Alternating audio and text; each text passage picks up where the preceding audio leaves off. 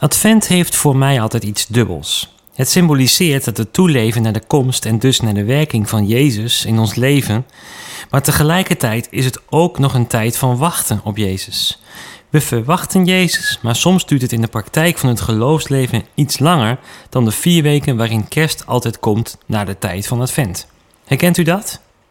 In de Bijbel lezen we het verhaal van twee vrouwen die ook lang moesten wachten. Lang is in dit opzicht trouwens wel een relatief begrip. Twee dagen was in dit geval heel lang. Maar het was in hun geval ook een kwestie van leven en dood. De twee zussen, Martha en Maria, waren goed bevriend met Jezus. Hun broer Lazarus werd ziek en dus stuurden de zussen iemand naar Jezus om om hulp te vragen. De reactie van Jezus is opmerkelijk.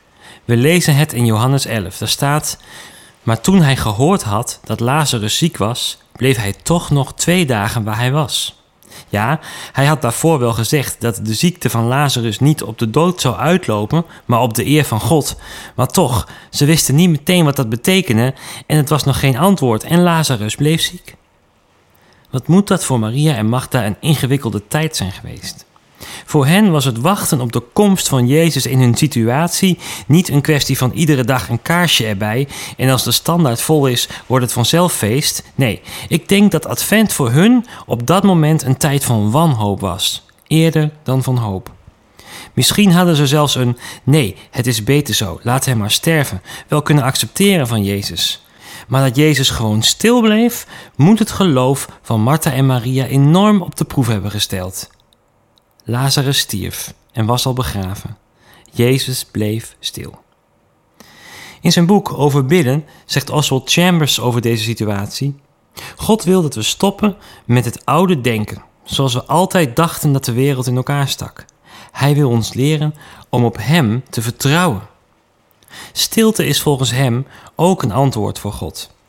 Als we alleen antwoorden die voor ons met onze zintuigen waar te nemen zijn als een antwoord accepteren, dan leven we volgens Chambers in een hele primitieve vorm van genade. Kan het van ons gezegd worden dat Jezus zoveel van ons hield en dat Hij bleef waar Hij was toen we Hem om hulp vroegen, omdat Hij wist dat wij het geloof hadden om te wachten op een nog grotere openbaring? Heeft God ons wel eens een stilte toevertrouwd?